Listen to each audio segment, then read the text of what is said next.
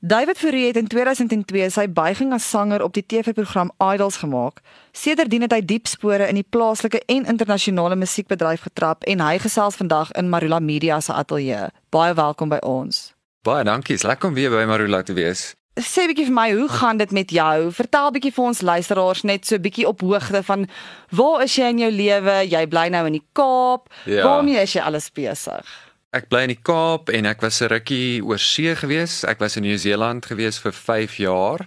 So 2014 het ek 'n geleentheid gekry om daar 'n platemaatskappy te begin en so half net so 'n bietjie my vlerke te sprei en ek het gedink is 'n baie goeie kans om net uh, soos hulle sê die pause knoppie te druk of die stop knoppie net om so half bietjie te herkalibreer waar ek wil gaan en ek het so half gekyk na die volgende 30 jaar van my lewe en dink ek okay nee ek moet net so bietjie 'n breek vat en dan my kreatiwiteit opskerp en ek ja ek het 5 jaar in die buiteland spandeer en gereis en ek was Bali toe en terug hierso 'n paar keer en in daai 5 jaar is my pa oorlede en ek is toe weer terug en ja, so ek het so half heeltemal ek sê vir mense ek was op 'n eat pray love missie gewees.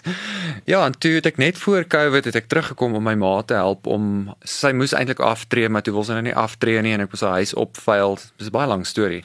Maar toe gebeur Covid en in Covid het ek net begin dink aan al die musiekidees wat ek het.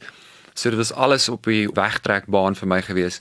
En toe gaan ek Kaap toe en toe besluit ek okay nee, laat ek net hierdie musiek nou uitbring en ja, jy weet hoe is die Kaap, jy weet die Kaap is 'n verleidster. So hy hou jou daar.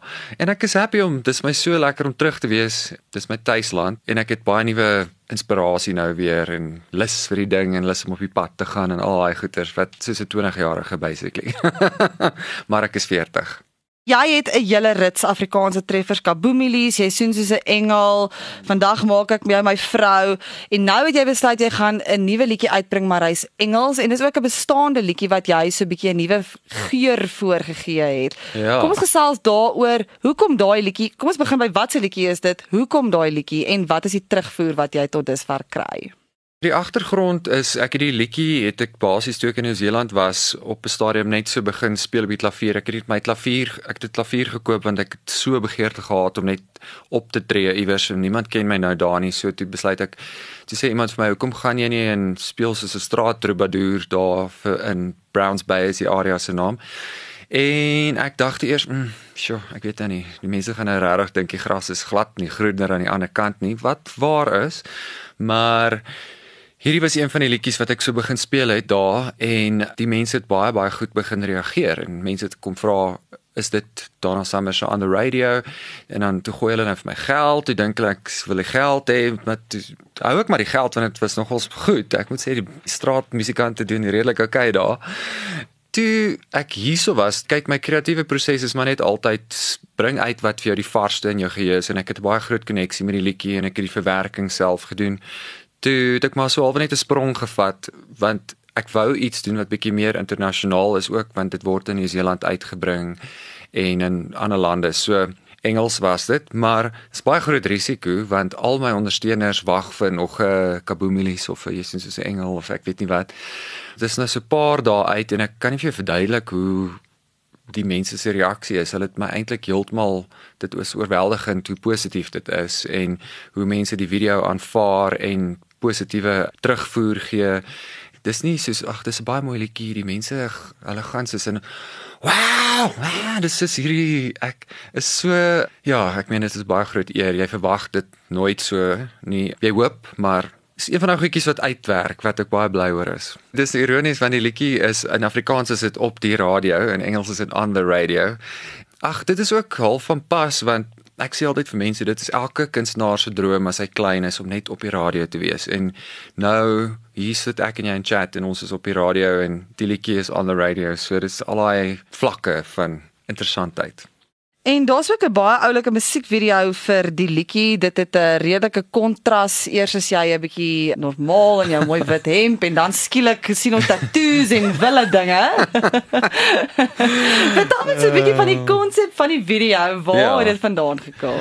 Ja, nee, kyk, jy praat my ma se taal daarse want sy het die video 'n paar keer gekyk voordat hy uitgekom het en sy sê toe net vir my David moet jy so kaal wees? Hoekom is jy so kaal? Is dit is dit nou nodig?" Toe sê ek vir ja, ma, dit gaan oor die paradoks of die kontras wat gebeur in mense emosie vlak as jy in 'n verhouding was en dit het, het nie uitgewerk nie en ewe skielik hoor jy liedjies op die radio wat jou of op Spotify of waar ook al wat jou herinner aan daai liefde en baie keer verander die liefde mens sodat jy die David wat daarso op die klavier met sy sy kraag hemp sit en dan is sy alter ego is eintlik die een wat nou so 'n bietjie skade gekry het met hierdie liefdeservaring En ek glo mense kan daarmee identifiseer. Dit is 'n algemene ding dat as dit nie uitwerk dan kan dit nogals jou perspektief oor die lewe verander.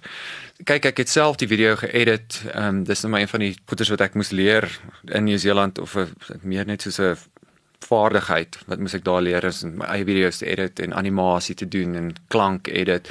So ek het genoeg tyd en spasie gehad om regtig te kyk na wat die video is en hoe dit gaan uitkom.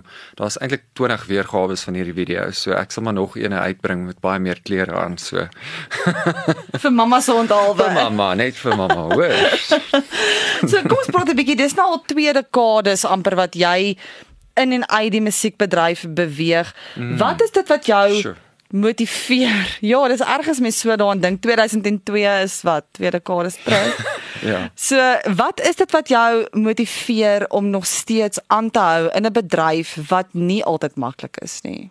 Nou dat jy dit noem, dis eintlik so interessant en ek bly dit vergeet want 2002 was mos die eerste Idols en dis waar ek my half my eerste kykie in die vermaaklikheidsbedryf gekry het en dit was toe al nie maklik nie want ek het ehm um, uit die 10 finaliste was ek nommer 10.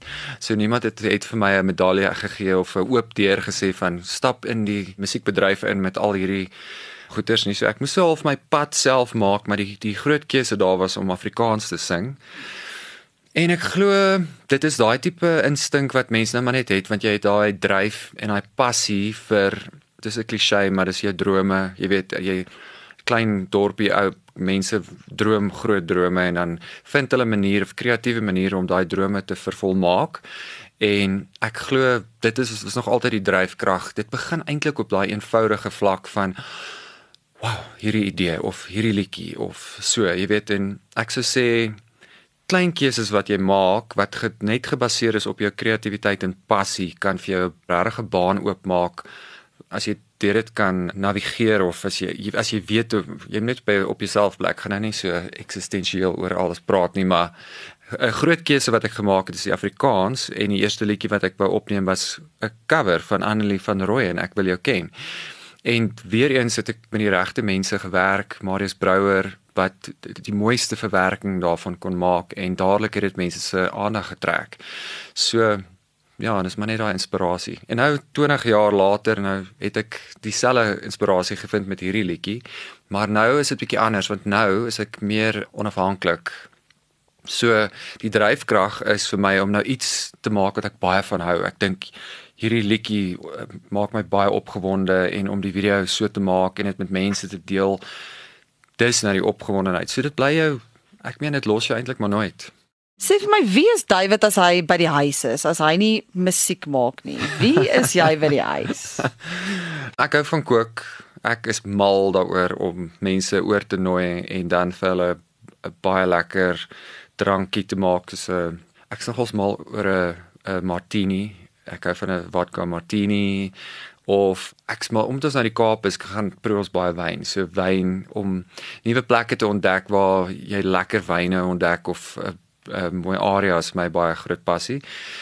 Maar weet jy ek moet sê ek by die huis ek is eintlik nogals besig. Ek weet nie hoekom is my lewe so besig nie want ek het nog belange in Nieu-Seeland en in China en ek so en ek het hardloop dit en dan probeer ek nou so dis baie min dat ek ek wil eintlik net so half op die bank sit en al die reekse opvang wat ek so graag wil kyk. Maar baie aktief gaan gereeld ons oefen en is by die gimnasium so al daai dinge. Ja, maar die kook en die en die cocktails. So jy het vroeër genoem dat jy gaan sit en dink het hoe lyk die volgende 30 jaar vir jou en ja. wat was die antwoord?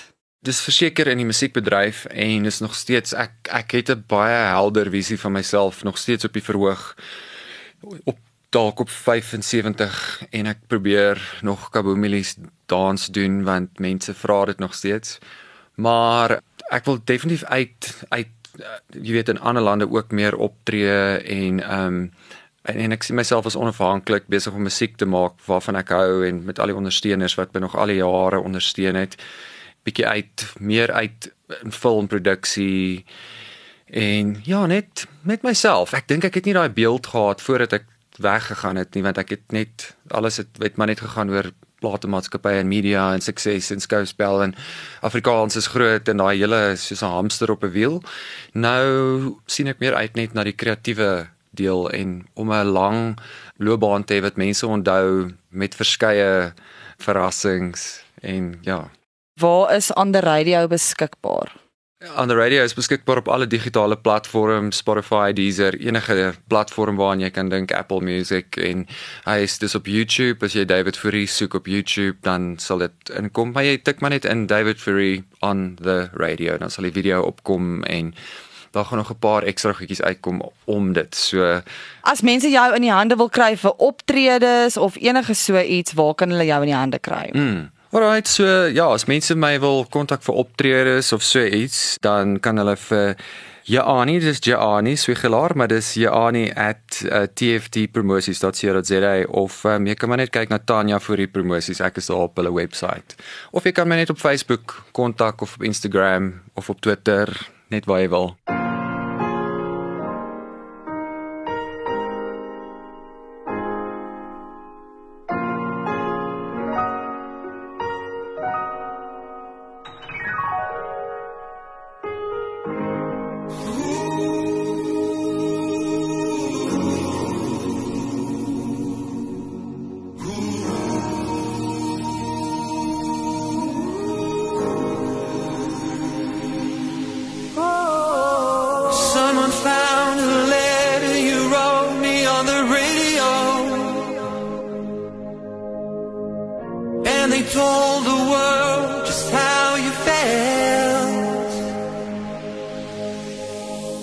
must have fallen out of a hole in your old brown overcoat.